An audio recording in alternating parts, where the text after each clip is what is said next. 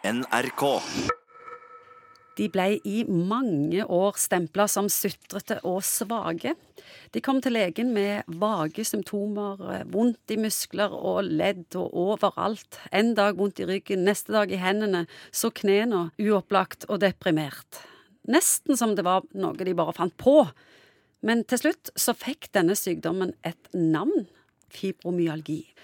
Og ennå så har fibromyalgi ganske lav prestisje, Morten Munkvik. Hvorfor? Ja, nei, hvorfor? Det handler jo om at man ikke helt vet hvorfor dette kommer, og har ingen god, konkret behandling. Og, og forstår egentlig ikke så mye av det. Og så er det kvinner som ofte har det. 90% Oftest kvinner, noen ganger yngre, men må ikke være det. Og så forstår man ikke, og man finner ingenting, og man kan ikke forstå at det skal være så gale som det rapporteres om å være. Og en av de tingene som er på en måte klassisk med fibromyalgi, er jo at det dukker jo ikke opp på tester og prøver. Man kan ikke ta en fibromyalgiprøve. Det er mer det at det ikke dukker opp noe sted som er diagnostisk.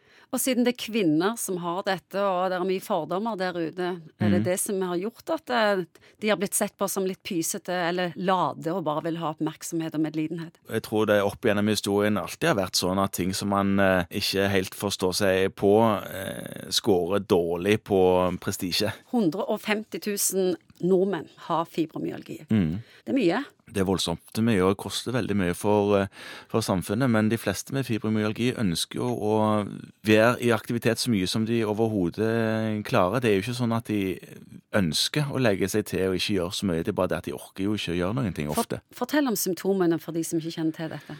Symptombildet er jo forskjellig fra pasient til pasient. Det klassiske er at de har smerter i muskulatur og i ledd og i skjelettet rundt omkring, kan flytte seg rundt omkring fra den ene dagen til den andre, nesten. Og så er det kronisk. Alltid sånn, ja. Det er iallfall over minst tre måneder. Det er en av de diagnostiske kriteriene for dette her. De er ofte trøtte og slitne.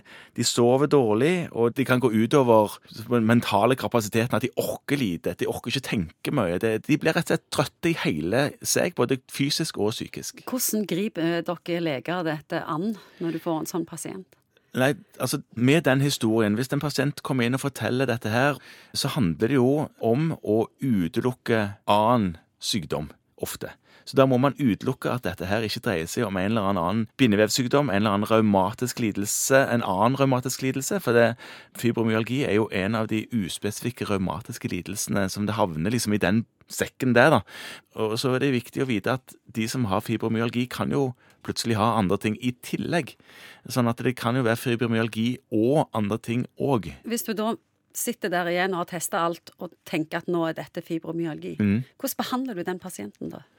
Det er jo ikke mye behandling som man eh, har å stille opp med. Man kan prøve å behandle smertene ved å gi ulike former for smertestillende medisiner. Da vil ofte klassiske smertestillende medisiner som Paracet, Ibux og den typen ting ikke ha særlig effekt. Så man kan bruke eldre medisiner som man ofte tidligere brukte for eh, depresjonstilstander. Det kan ofte ha en smertestillende effekt, i tillegg til effekten som er hovedeffekten da, på humøret. Uten at eh, fibromyalgipasienten er deprimert, så kan det ha effekt på smertene. I tillegg så kan du eh, prøve å motivere til fysisk aktivitet. og Det er jo ofte veldig provoserende for en fibromyalgipasient som, Som bare har vondt? som, ja, som har bare vondt og orker ingenting. Og så kommer du til legen og sier legen nå må du sette i gang og bevege deg mer. Men det er det som man forskningsmessig vet har en effekt. Et tilrettelagt fysisk aktivitetsnivå som du takler som pasient. Og så er det en del forskjellige fysioterapiformer som kan ha effekt for denne typen pasienter. NRK.